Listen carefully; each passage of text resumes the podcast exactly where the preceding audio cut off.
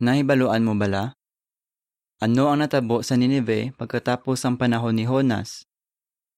Sa mga tuig 670 BCE, ang Assyria amo ang pinakadako nga imperyo sa bilog nga kalibutan. Nanging sakop sa ni ang mga lugar halin sa Sipre sa Katundan hasta sa Iran sa Sidlangan, kag nangin sakop man sini ang Ehipto sing pila ka tuig siling sang website sang British Museum. Ang kapital sini amo ang Ninive, kag amo ini ang pinakadako nga syudad sa kalibutan. Madamo ini sing matahom nga mga hardin, kag dalagko nga mga palasyo, kag mga library. Nakita sa mga nasulat sa mga pader sa Ninive sang una, naging tawag ni Hari Ashurbanipal ang iya kaugalingon nga hari sang kalibutan. Amuman sini ang pagtawag sang iban pa nga mga hari sang Assyria sa ila kaugalingon. Sang nagahom si Hari Ashurbanipal, daw wala sing makaperde sa Assyria kag Ninive. Pero sang tion nga ang Assyria amo ang pinakagamhanan nga imperyo, ang manalagda ni Jehova nga si Sophonias nagtagna. Laglagon ni Jehova ang Assyria, kag hapayon niya ang Ninive kag mangin kigas ini nga duta pareho sang disyerto. Nagtagna man ang manalagna ni Jehova nga sinahom. Panguhaan ninyo ang mga pilak. Panguhaan ninyo ang mga bulawan. Ginpanguha ang tanan nga malahalon nga butang sang syudad, ginhapay ini kag ginlaglag.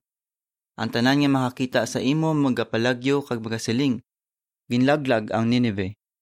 Sophonias 2.13 kag Nahum 2.9 kag 10 kag 3.7 Sang nabatian ini sa mga tawo, mahimo nga nahuna-huna nila. Posible gid bala ini nga matabo? Maperde gid ay hanang Assyria? Do hindi ini mapatihan. Pero natabo gid ang daw hindi mapatihan sa mga tawo. Sang lapit na lang mag 600 BCE, ginperde sa mga Babylonian hon kag mga Median hon ang Assyria. Sang ulihi, wala na sing nag-star sa Nineveh kag nalipatan na sa mga tawo ini nga syudad. Suno sa isa ka publikasyon sang The Metropolitan Museum of Art sa New York, natabunan sang ulihi ang syudad sang Nineveh, kag ang Biblia na lang ang nagasambit parte sa sini.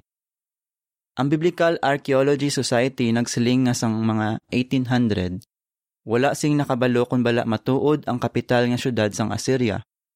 Pero sang 1845, kinsugdan sang archaeologist nga si Austin Henry Layard ang pagkutkot sa lugar anay sang Nineveh.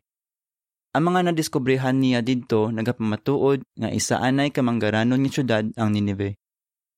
Natuman gid ang mga tagna parte sa Ninive. Bangod sini, makasalig kita nga matuman man ang mga tagna sa Biblia parte sa paglaglag sa mga gobyerno sang mga tawo. Diri natapos ang artikulo.